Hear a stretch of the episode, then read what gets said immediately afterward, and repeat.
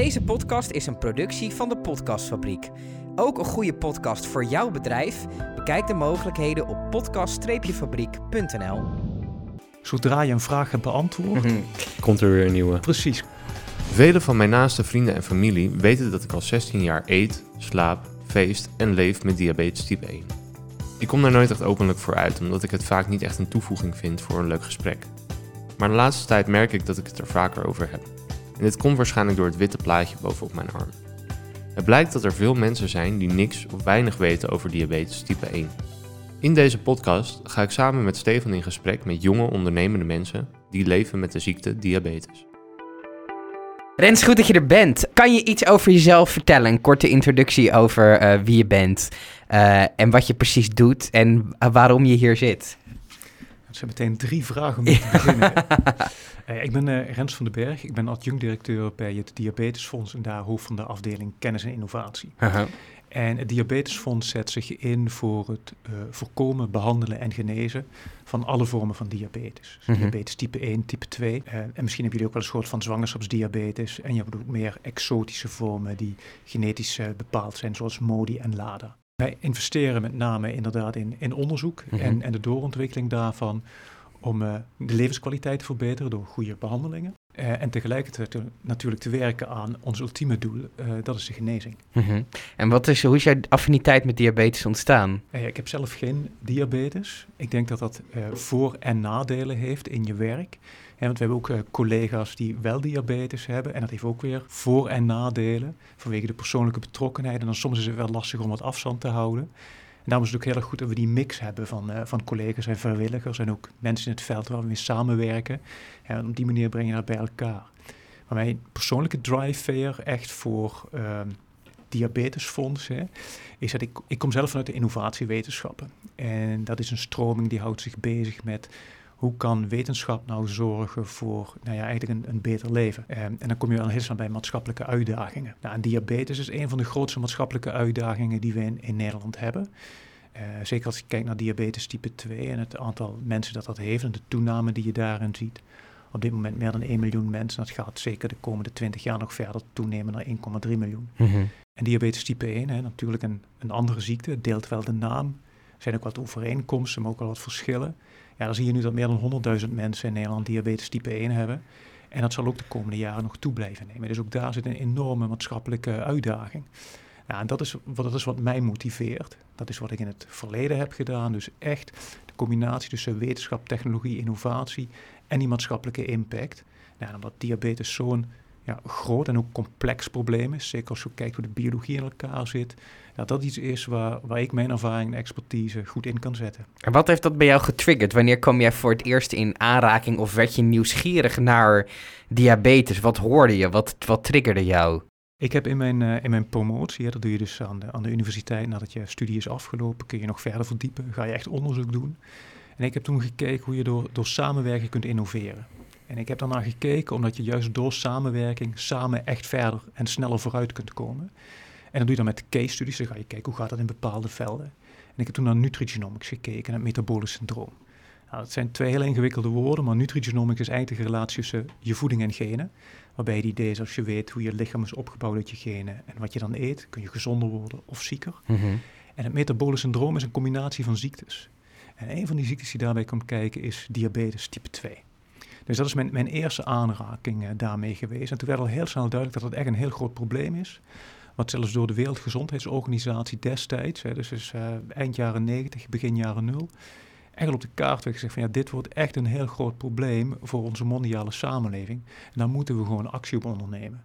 Dus je zou kunnen zeggen, de cirkel is weer rond. Eh, en het is nu van een, een case study echt mijn, mijn hoofdonderwerp geworden. Ehm, nou ja, eh, Koen heeft natuurlijk diabetes type 1. Daar is deze podcast ook vooral op gericht. Wat, wat zou jij... eh, nou goed, jij bent dus de hele dag bezig met innovatie op het gebied van diabetes, et cetera. Ehm, hoe, hoe, zien, hoe ziet de toekomst voor, een, ehm, voor iemand Voor met diabetes? Voor Koen, Kijk, we, voor, we- voor we- Bloem.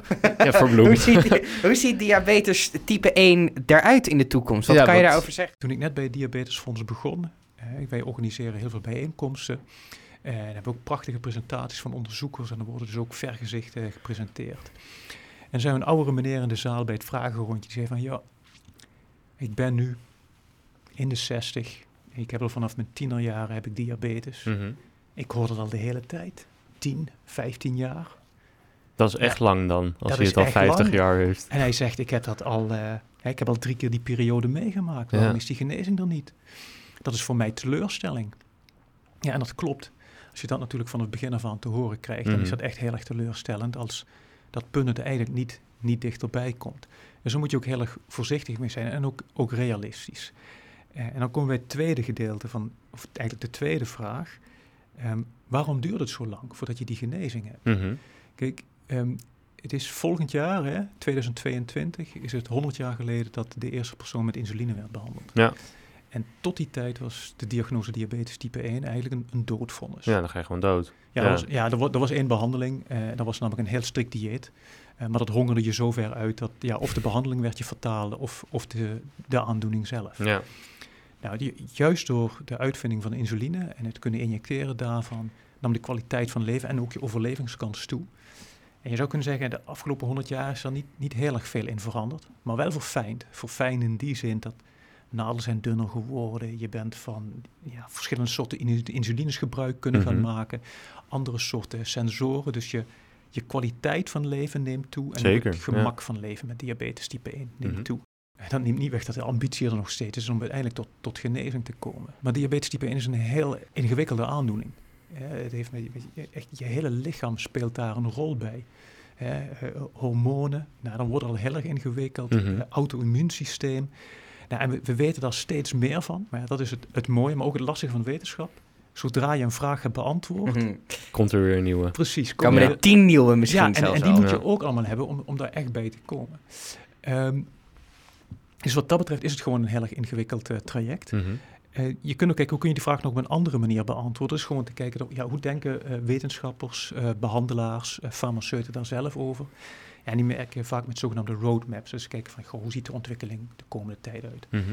Ja, en die varieert van, van 20 tot 40 jaar, dat ze verwachten dat je echt van, van genezing kunt spreken. En wat definiëren zij dan als genezing? Ja, dat is dus ook een vraag die daarbij Ja. Wat is, wat is genezing? Daar zijn vast verschillende visies over. Ja, er zijn heel veel verschillende visies over. Ehm, een, een arts heeft het eigenlijk bij genezing altijd dat het, het probleem is weggenomen en je hoeft er helemaal niks meer mee te doen. Ja. Ehm, als dat niet het geval is, hebben ze het vaak over remissie, je hebt het over controle, maar het is nog net niet, niet echt genezing. Maar als ik praat met iemand die diabetes heeft, die zegt, joh, als ik een dag niet aan, eh, aan mijn diabetes hoef te denken, heb ik, heb ik, ben ik genezen. Mhm. Nou, het zijn dus mensen die bijvoorbeeld hebben deelgenomen met de experimenten van de kunstalvechtklier van Inreda. Volautomatisch eh, eh, systeem. Van Robin Koopstok. Ja, inderdaad. Ja. Aansluiten, inregelen een paar dagen. Je hebt wel nog een kastje bij je. Je moet wel nog die ampullen veranderen. Maar ja, mensen zeggen van, ja joh, ik ben niet meer met mijn diabetes bezig. Mhm. Ja, want dat is, we eigenlijk bij een andere vraag weer, maar die hier wel een relateert. Wat, wat is diabetes? En, en diabetes kun je zeggen, ja, eh, je lichaam werkt niet zo goed op één punt. Mhm. en, en dat moet je, moet je in controle houden. Maar ja, ik, als je dat aan iemand vraagt die diabetes heeft, ja, diabetes is iets waar je continu mee bezig bent, waar je altijd aan moet denken. En niet alleen maar op het moment zelf, maar je moet ook nog vooruit denken. Eh, ik wil vanavond gaan sporten, eh, oké, dan moet ik daar nu al rekening mee houden. Oh, wacht even, ik ben te laat eh, thuis, het avondeten is al geweest. Ik moet... Hoe ga je dat allemaal maar combineren? Dus dat is, diabetes is echt wat dat betreft heel veel meer dan alleen maar dat, dat hele complexe biologische gedeelte. Dus Ja. dat bepaalt ook wel van wat is, wat is genezing. Dus dat, dat speelt ook nog mee. Ehm, dus ja, daar is niet een eenduidige vraag op te geven. Wat we Ja. wel weten is dat er zijn op dit moment drie heel veelbelovende paden op weg naar die genezing. Eh, Nou, neem ons even mee. ja, ik, ik dacht dat die vraag Ja. komen. Ehm, nou, het, het auto-immuunziekte, hè? Mhm. dus je gaat naar het auto-immuunsysteem kijken. eh, waarbij het idee is, als je dat auto-immuunsysteem nou aan kunt pakken, zodat niet meer die, die beta-cellen, waar de insuline wordt geproduceerd en wat dus niet meer gebeurt bij diabetes type 1, dat die niet meer worden aangevallen. Mhm. Heel mooi. Dus je richt je op het auto-immuunsysteem. Ja, dat zijn die eilandjes van Langerhans, toch? Of Eh, gaat het nog is- dieper dan dat? Ja, dat is, daar komen we dadelijk op. Want je Oh, hebt dus, we moeten misschien helemaal even terug naar de basis. Eh beta-cellen, die maken de insuline. Mhm. Dus je hebt beta-cellen nodig die werken. Eh, en je hebt een auto-immuunsysteem nodig dat die beta-cellen niet aanpassen, aanvallen. Mhm. Nou, valt het auto-immuunsysteem die cellen aan, is daar een oplossing. Kijken of je dat auto-immuunsysteem kunt aanpakken. Ja. Nou, dat, dat gebeurt. En er is dus onderzoek naar, dat, dat blijkt ook al veilig te zijn. En de eerste experimenten zijn echt heel veelbelovend. Maar ja, je moet wel nog kijken, is het dan echt effectief? En eh, in, in welke mate en hoe moet je de behandeling precies doen? En bij wie slaat het aan? Want het zal niet zo zijn dat iedere behandeling voor iedereen op precies dezelfde manier gaat werken. Dus dat Mhm. is één route. Nou, je hebt die, die beta-cellen nodig. Ja, als die al zijn aangevallen, ja, dan, dan zijn ze weg. Doen ze niks meer. Eh, dus je moet ze dus transplanteren. Dat doen we al. Eh, je hebt eh, alvleeskliertransplantaties. Nou, dan Mhm. krijg je de hele... De hele klier. Ja, ja precies. Ehm, hele, hele ingewikkelde operaties. Want de, de alvleesklier die, die, is, ja, die is heel fragiel. Die transplantatie is heel ingewikkeld. Mhm. Er zitten allemaal sappen in. eh dus ook nog eens een hele lastige operatie. Dus dat werkt niet zo goed. Wat ze wel doen is ook beta-cellen transplanteren. Heb je ongeveer zes alvleesklieren van donoren nodig. Die zijn, Mhm. zijn overleden, worden die cellen uitgehaald. Dat zijn veel alvleesklieren. Dat zijn heel veel alvleesklieren. Ja. Die moet je dus allemaal hebben. En dan moet je inbrengen. Eh, maar ja, er zijn wel ook donorcellen van andere mensen. Nou ja, dan krijg je dus ook weer met je afweersysteem te maken. Moet je Mhm. net zoals bij een andere transplantatie, dus ook medicijnen nemen dat je geen afweerreactie krijgt. Ja. Ja. Eh, dus daar wordt aan gewerkt, nu op dit moment, om daar een volgende stap in te zetten met regeneratieve geneeskunde. Eh, en dat is eigenlijk een moeilijk woord om te zeggen, ja, eigenlijk vanuit je nieuwe, nieuwe beta-cellen maken uit je eigen lichaamsmateriaal. Ja, is dat dan met stamceltherapie of Eh, is dat weer iets anders? Ja, dat, dat, daar heb je dus ook wel verschillende technologieën Oh, voor. ja. Ja, je zit er heel goed in, maar het wo- wordt wel steeds ingewikkelder dan. Mhm. Kijk, een, een, een stamcel die kun je pakken omdat die nog heel veel kanten op gaat. Mhm. Ehm, eh, mensen pra- praten ook wel eens over embryonale stamcellen die je daarvoor kunt gebruiken. Nou, daar zitten dan ook weer ethische kwesties aan, dat maakt het heel lastig. Ja. Ehm, maar je wil ook graag gebruik maken van je lichaams eigen materiaal, want dan heb je dus niet zo snel die afweerreactie. Afstoting. Ja. Dus daar wordt ook wel over nagedacht. Ja, zou je bijvoorbeeld eh, huidcellen of andere cellen kunnen pakken Mhm. om die te gebruiken om ja, zo te tweaken dat ze zich gaan gedragen als beta-cellen weer Mhm. en die inbrengen. Er zijn heel veel stappen voor nodig, want dit is echt ja, heel erg vernieuwend onderzoek. Mhm. En de bedoeling is, hè, we zitten ook als Diabetesfonds samen met Stichting DON in een groot consortium, dat heet Recht met XB. Dat staat voor Regener- Regenerative Medicine Crossing Borders. Hm. Waarbij Crossing Borders van echt staat over, over wetenschapsdisciplines heen te kijken Ja. maar ook over organisatiegrenzen, want er werken universiteiten, bedrijven, overheden en gezondheidsfondsen samen. Maar ook letterlijk grenzen, hè, samenwerking met Nederland, België, Duitsland, Amerika. Om echt te kijken van, kunnen we nu echt een device gaan maken wat je in kunt brengen? En de bedoeling is dat we daar dit jaar, volgend jaar, de eerste, dat noemen ze dan first in man trial. Dan ga je kijken, is het idee dat we hebben, kunnen we dat echt in, in iemand inbrengen? Ja. Dan ben je nog, nog best wel ver weg tot, tot die genezing. hè. Ja. Maar goed, dan hebben we er dus al twee. We hebben Mhm. het afweersysteem en we hebben die beta-cellen die je weer moet hebben. Nou, en een derde onderwerp dat de laatste paar jaar heel erg in opkomst is in heel veel wetenschapsgebieden en bij heel veel aandoeningen, maar ook bij diabetes, eh, dat is het microbioom. Omdat er een rela- relatie verondersteld wordt tussen eh, ja, eigenlijk je, je darmbacteriën Mhm. en, je, en je gezondheid. Oh, daar heb ik wat over gelezen. Is dat dat, dat ze met die poepbacterie eh, bezig zijn? Precies. Ja. Ja, want wat ze daar hebben gezien is dat mensen die geen diabetes type 1 hebben en wel diabetes type Mhm. 1 hebben, en ook nog in, in verschillende maten en, en stadia van de ziekteontwikkeling, Mhm. eh hey, je ziet ze een ander microbioom. En dan Mm. wordt natuurlijk de vraag, goh, als je nou iemand hebt die gezond heeft en als je nou iemand hebt die gezond is en een ander microbioom heeft, zou je dat microbioom dan kunnen gebruiken om iemand die ziek is en misschien een verkeerd tussen aanhalingstekens microbioom heeft, Mhm. om dat weer ja, te, te kunnen retunen, bij wijze van Ja. spreken. Ja, dus dat zijn, dat zijn drie van die oplossingsrichtingen. En, en daar wordt hard aan gewerkt. Maar dat gaat, gaat wel nog duren. En waarom gaat dat duren? Omdat eh, je hebt de wetenschappelijke vragen, hè, die er dus veel zijn en steeds meer worden en best wel complex zijn. Mhm. Vervolgens, als je een heel goed idee hebt, wil je kijken of het echt veilig is en werkzaam. Nou, en daarom moet je dus aan bepaalde eh, wel een regelgeving eh, voldoen. Nou, en dan moet het dus ook nog verder worden uitgerold in een, in een systeem. Dus dat Mhm. betekent dat het in een behandelcentrum terecht moet komen, dat artsen en verpleegkundigen of POH's daarvoor opgeleid moeten zijn, eh, dat er vergoedingen tegenover moeten staan. Dus het is echt een, ja, best wel een groots com- complex Ja. traject om dat voor elkaar te krijgen. Maar er wordt gelukkig wel door heel veel partijen heel hard aan gewerkt. Ik, kom op heel veel conferenties Mhm. en dan kun je altijd naar de dingen die je gaan die je interesseren. Dan hoor je ook vaak hetzelfde en dan zie je de, de vooruitgang. En ik vind zelf altijd als ik ergens ben, dan selecteer ik ook willekeurig af en toe eh, uit het boekje een onderwerp. Ja, ik van, ja, oké, goed, ik zal wel zien wat het is. Eh, heb ik ooit een keer gedaan, een paar jaar geleden. Disease X. Mhm. Nou, Disease X, toen moest ik meteen denken, het metabole syndroom, want dat werd ook wel eens Disease X genoemd. Mhm. Ik loop daar binnen. Het gaat over de pandemie. Ja, Vijf jaar geleden. Hè? ja. Van, joh, wij weten, er komt iets op ons af. Hoe Ja. zit het in elkaar? En ook van, wat, wat kunnen wij van elkaar leren? Nou, en ik denk dat die kruisbestuiving ook, doordat je weer eens andere ideeën krijgt. Hey, goh, hoe hebben ze dat, dat probleem nou aangepakt? Ja, dat kan heel erg goed helpen om ook jezelf weer te prikkelen.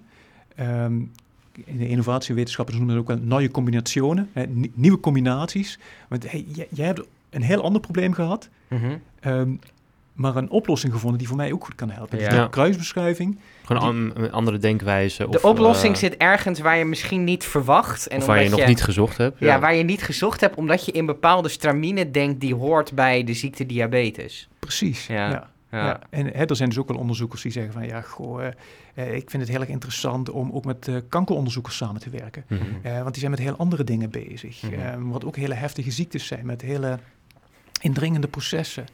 Eh, het is ook goed dat onderzoekers in hun instituut ook in aanraking komen met onderzoek zijn met heel andere onderwerpen bezig zijn. Dus die, die kruisbestuiving, die wil je ook. Ik denk een goed voorbeeld daarvan is ook recht met XB. Wat wij zitten daar dan in, dat noem je dan heel mooi een moonshot. Diabetes moonshot. Mhm. Eh, is natuurlijk de beeldspraak, ja, die, die missie van die man op de maan krijgen, daar, daar mikken we op. En dat Mhm. is natuurlijk heel erg uitdagend, maar wel echt ja, missiegedreven. Maar er zijn ook andere moonshots voor eh, nieren, artrose en dergelijke. Het zijn natuurlijk andere onderwerpen. Ja. Maar die onderzoekers werken aan ongeveer hetzelfde. En het kan natuurlijk zo zijn dat je bij artrose op een doodlopend pad voor iets komt, Ja. maar kennis hebt ontwikkeld waar de mensen van de nier-moonshot wel iets aan hebben. Mhm. ja. Ja, hey, en dat wil je natuurlijk met elkaar uitwisselen. Samenwerking. Precies, en daardoor kom je sneller, verder, beter vooruit. Wat is nou een interessante vraag die je daar hebt gekregen waarvan jij dacht, vrek, dat is interessant. Eh, nou, ik, denk, ik weet niet of het zozeer vragen zijn, maar de dingen die, die mij wel bezighouden, is toch echt wel de, de, de persoonlijke impact. Eh, echt de, de, de persoonlijke verhalen die, eh, die binnenkomen, die je niet zo, niet zo snel ziet. Eh, waar het ook echt wel moeilijk is om je, om je echt in te leven, hoe dat is. En ik, ik, ik denk ook, het- wij, wij kunnen nooit ervaren wat Koen ervaart. Ja. En, d- en dat maakt het heel lastig. En ik vind dat dat echt, dat is een van de belangrijkste rollen die wij ook als Diabetesfonds hebben in het onderzoek. En we hebben als Diabetesfonds een zogenaamde maatschappelijke adviesraad. Daar zitten mensen in die hebben eh, zelf diabetes of hun kinderen hebben diabetes. En die helpen ons met het selecteren van de beste onderzoeken. En het beste onderzoek, dat wil zeggen dat het wetenschappelijk interessant, relevant en, en echt vooruitstrevend en van uitstekende kwaliteit is. Maar het moet ook maatschappelijke meerwaarde hebben. En dat, dat halen we dus echt uit die maatschappelijke adviesraad. Want die zeggen, ja, maar dit Ja. is voor, voor ons veel belangrijker. En dat nemen we ook mee naar onze projecten. En om daar een, een voorbeeld van te geven, we hebben een keer een, een bijeenkomst gehad. We zeggen, nou, dat is met wetenschappers, maar we willen er ook patiënten bij hebben. En waarom willen we dat? Omdat we die werelden dichter bij elkaar willen brengen. En eh, dat was een hele goede sessie, want die zaal zit vol met, met onderzoekers die alleen maar met onderzoek naar diabetes type 1 bezig zijn. De genezing daarvan. Eh, nou, we hebben iemand meegenomen. En die onderzoeksleider die vroeg aan die hele zaal... Ja, diabetes, wat is dat? Eh, nou, noem maar. Nou, eh, insuline, glucose, eh, HbA1c. Allemaal bio- Heel wetenschappelijk bekeken. biologische parameters. Ja. Mhm. Oké, hey, diabetes, wat is dat voor jou? En dan zie je dus een, een, een jonge meid van, begin, van midden twintig toen...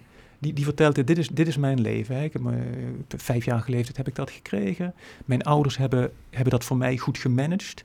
Ehm, ja, toen, ja, toen werd ik volwassen. Eh, ik ging uit met vriendinnetjes.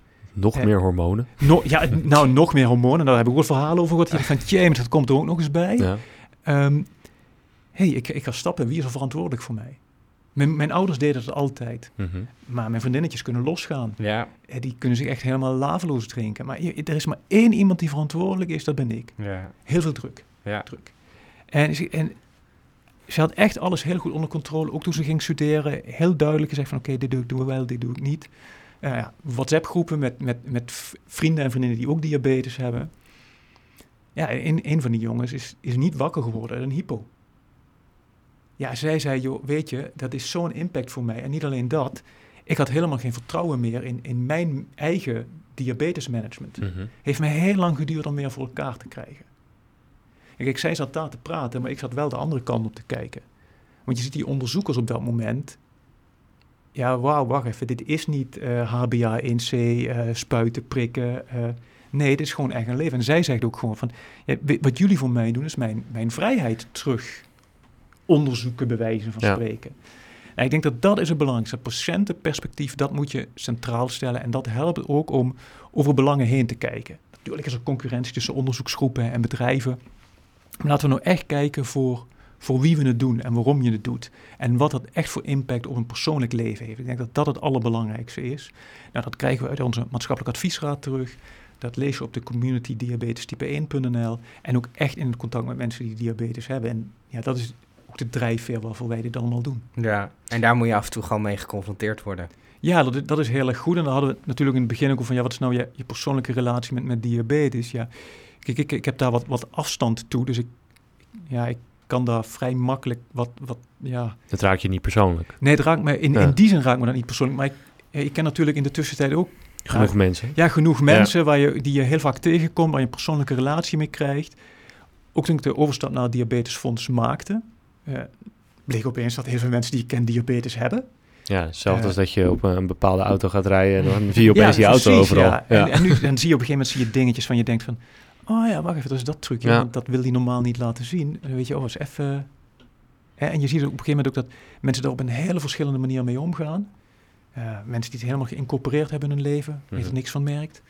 Ja, ook andere mensen die er toch, een, toch een, echt nog een strijd mee hebben. En, en een soort van ja, ont- ontkennen misschien, of soms ook wel verwaarlozen, bewust of onbewust.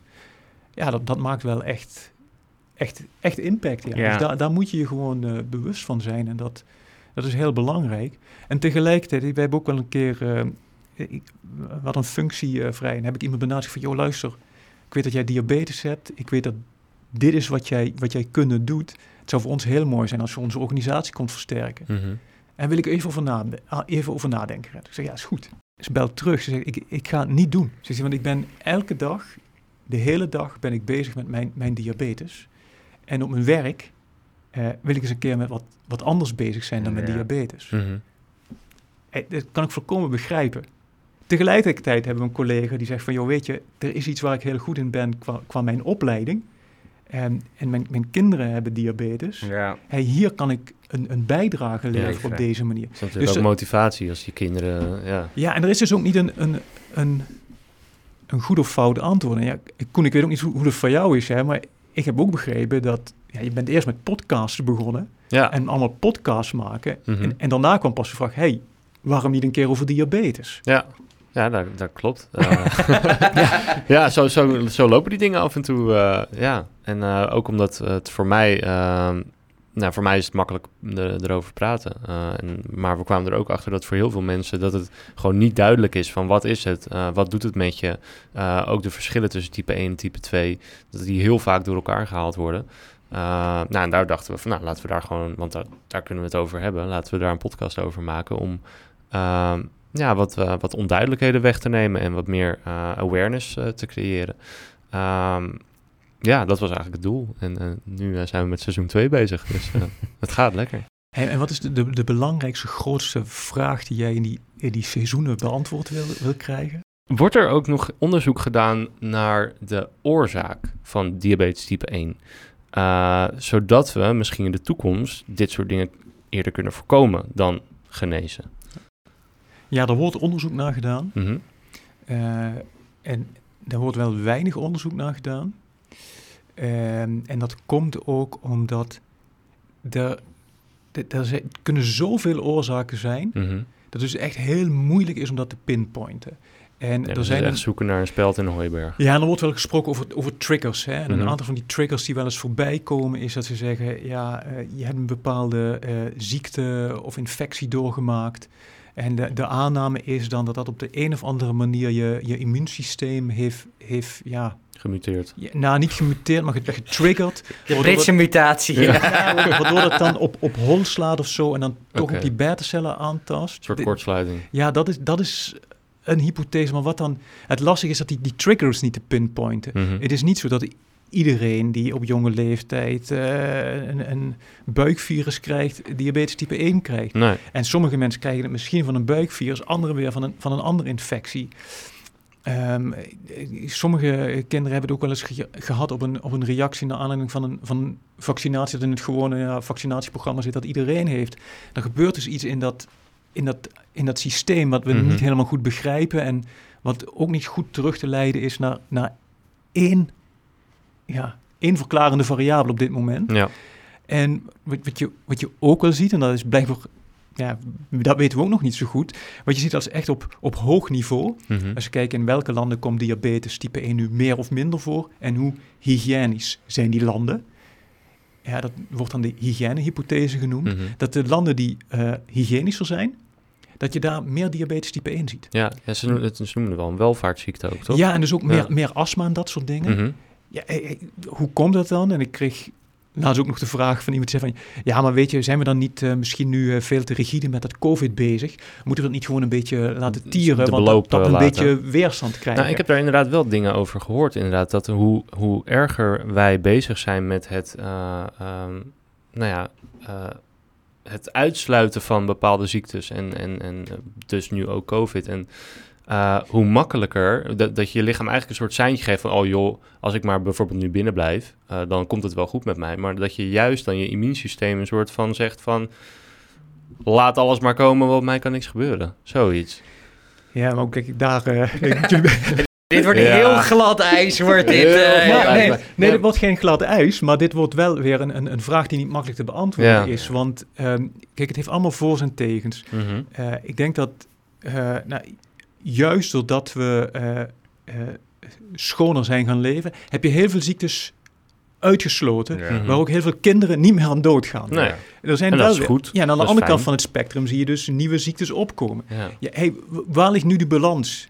Eh, nou ja, Dat is lastig. Ja, daar kan niemand een antwoord uh, op geven. Maar uiteindelijk kun je wel zeggen, ja, over het algemeen genomen worden we in, in, in deze moderne hygiënische landen wel uh, ouder. ouder en Ja. gezonder ouder. Dus nou, misschien is dan uh, alles uh, met elkaar opgeteld en afgetrokken onder de streep het beste. Ja, Neem niet weg dat we nog steeds gemotiveerd zijn om diabetes type 1 eronder te krijgen. zeker. Ja, ja het, is, het is gewoon heel interessant uh, hoe, hoe dat werkt. Hoe, hoe zou je dat kunnen onderzoeken? Want als je. Kijk, het is wat, wat lastig is. Je hebt allemaal hypotheses. Maar eigenlijk als je dat zou willen onderzoeken.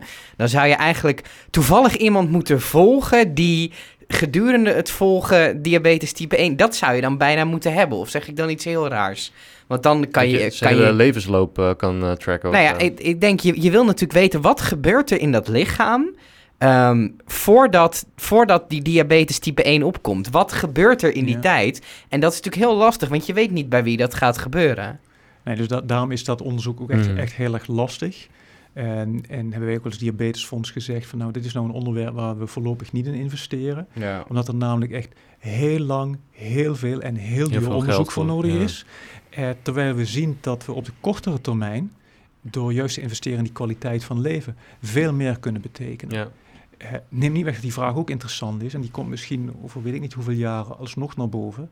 En hij wordt misschien ook op een gegeven moment makkelijker, niet makkelijk, maar makkelijker te beantwoorden. Want eh, wat, je, wat jij voorstelt, ehm, ja, het is heel moeilijk om die mensen, om iedereen een leven lang te volgen. Tegelijkertijd krijg je met steeds meer uh, big data te maken, artificial intelligence, waardoor je Mhm. ook grote databestanden kunt onderzoeken. En misschien zou je daar dan op een gegeven moment, als je genoeg data hebt en daar slimme analyses over kunt doen, ja, wat, wat, dat wat beter kunnen pinpointen. En- maar en- dat en blijft app- heel lastig. Een Ja. Apple Watch die constant hartslag, glucose, eh, dat soort zaken meet, waardoor je daar wat meer data in kan krijgen. Ja, Of- maar dat is dus lastig, hè, want je hebt dus een event nodig. Wat, wat is nou die, dat event dat ervoor zorgt dat je op een gegeven moment dan diabetes omslag, type hè? 1 gaat ontwikkelen? Ja, En dan is de Eh. vraag, wat zijn de overeenkomsten in de data daartussen? ja en, uh, en worden in die data bijgehouden dat je inderdaad een bepaalde infectie hebt doorgemaakt, een bepaald dieet hebt, in een bepaal, een bepaalde andere ziektes hebt. Dat is, dat is zo complex. Mhm. Uh, er blijven je dus ook nog vragen voor de toekomst. Heb nee, jij een vermoeden? nee ik, heb daar, ik heb daar geen vermoeden over. Dat is echt veel te complex. Ja. Ehm, je zei net al, goed, dat, dat is dan iets waar we, waar we wat minder in investeren. Wat ik heel interessant vind, is... Ehm, je hebt natuurlijk, um, we noemden het maar een beetje een soort van de grote oplossing. We, genezen diabetes type 1. Dat ligt nog jaren ver vooruit. Uh, maar dat is natuurlijk iets waar je in wil investeren, want dat is uiteindelijk de oplossing. Maar als ik Koen ook hoor en alle andere mensen die hier te gast zijn geweest, de uh, ontwikkelingen van de afgelopen tien jaar op het gebied van het makkelijker meten, van pompen die constant aangesloten zijn, die het leven met diabetes makkelijker maken, die ook voor minder lange termijn complicaties um, zorgen, et cetera. Die zijn op de korte termijn natuurlijk ontzettend belangrijk en waardevol. Hoe maken jullie de af afwegingen van uh, korte termijn en lange termijn investeringen binnen het diabetesfonds daarop? Ja, dat, dat, is, uh, dat zijn hele lastige afwegingen om te maken uh, en tegelijkertijd heel makkelijk. En dat lijkt een, uh, dat lijkt een tegenspraak. Maar even, wat, wat, goed is om je te beseffen, het Diabetesfonds is een gezondheidsfonds. En er zijn heel veel gezondheidsfondsen in Nederland. Dat is vrij uniek in, in de wereld. En gezondheidsfondsen komen eigenlijk voort, hè, eind 19e, begin 20e eeuw, waarop welgestelde zeiden, wij moeten iets doen voor mensen waarvan de gezondheid minder goed is. Ja. Is een heel systeem voor ons aan. En dat is, dat is heel goed. En wij kunnen soms hele, al die fondsen richten zich op hele specifieke aandoeningen. En, en het diabetesfonds is van, van oudsher een, onderzoek, een, een fonds dat investeert in, in kennis, onderzoek.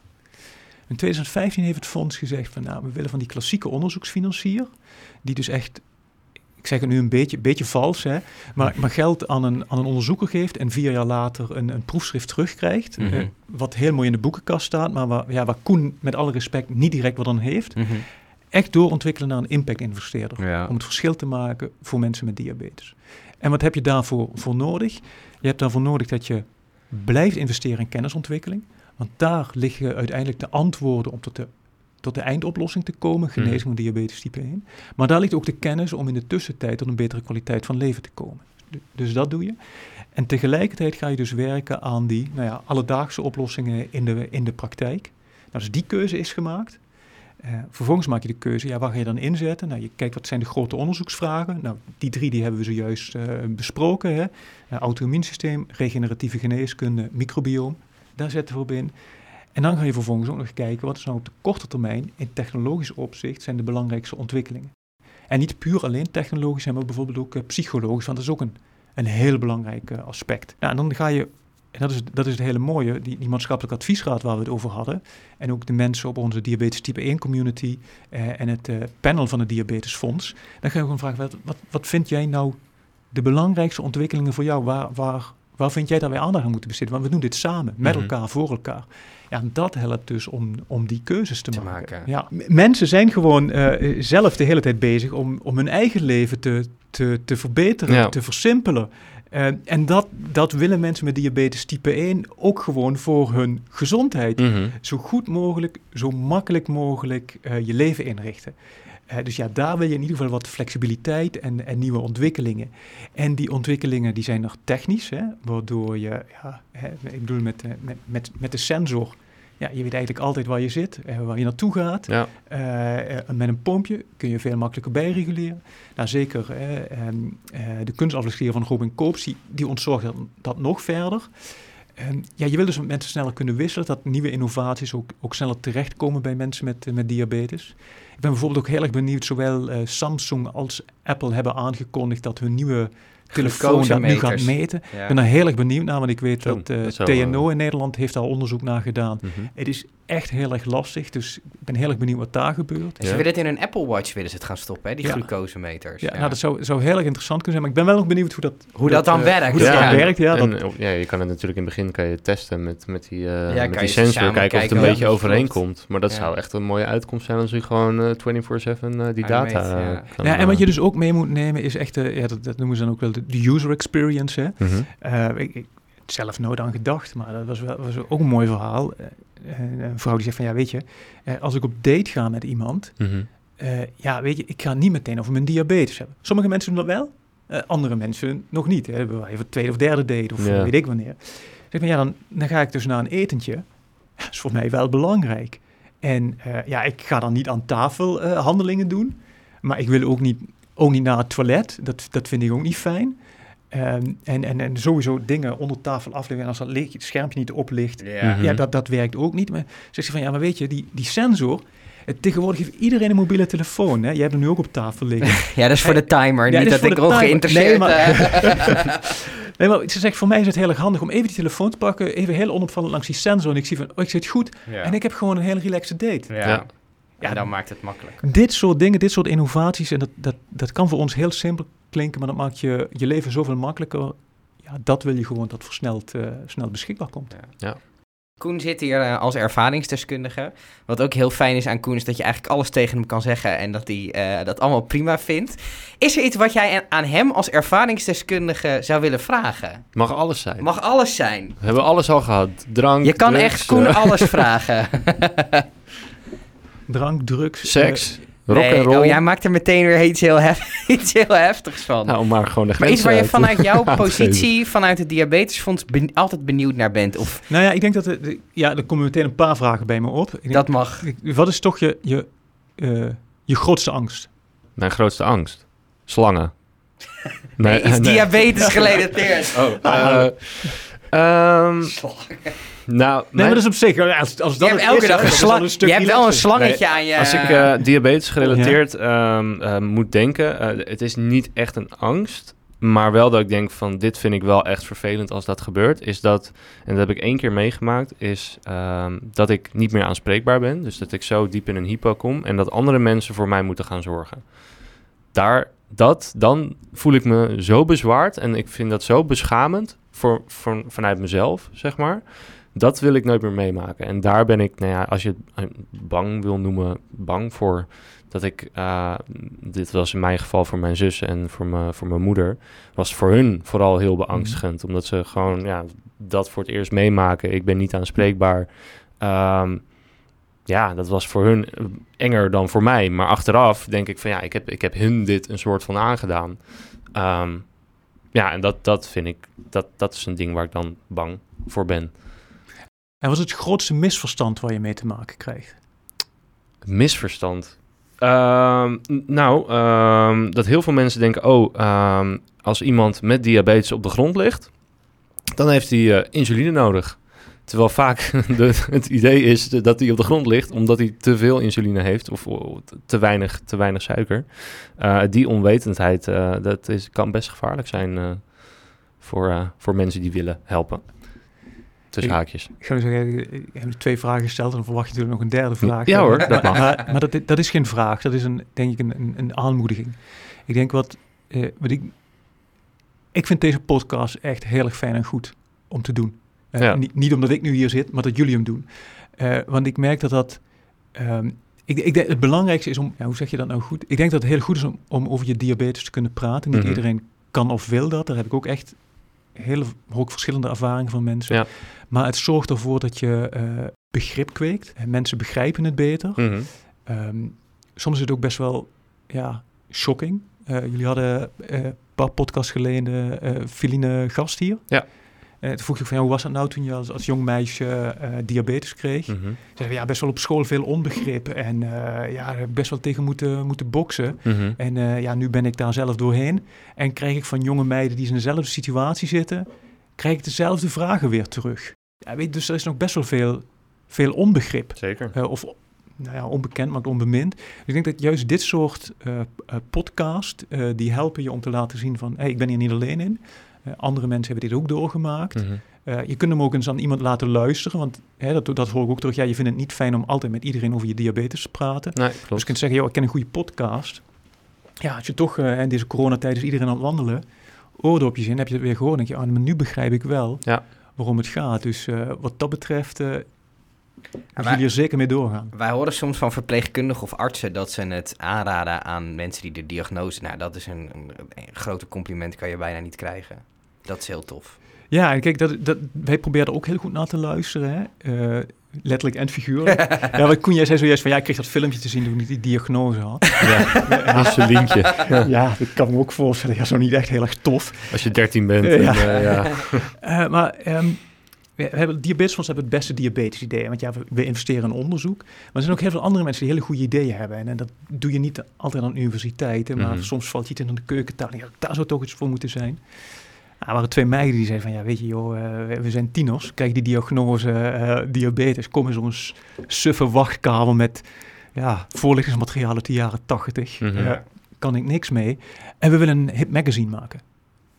Ja, is ook door onze maatschappelijke adviesraad beoordeeld. Die zegt, okay. ja, dit, dit is iets dat er niet is. Ja. Kun je de vraag stellen, ja, magazine, papier, wie doet dat tegenwoordig nog aan? Nee, maar juist, want dan heb je dat, dan kun je eens makkelijk doorheen bladeren. Zij zeiden, dit willen wij. Ja.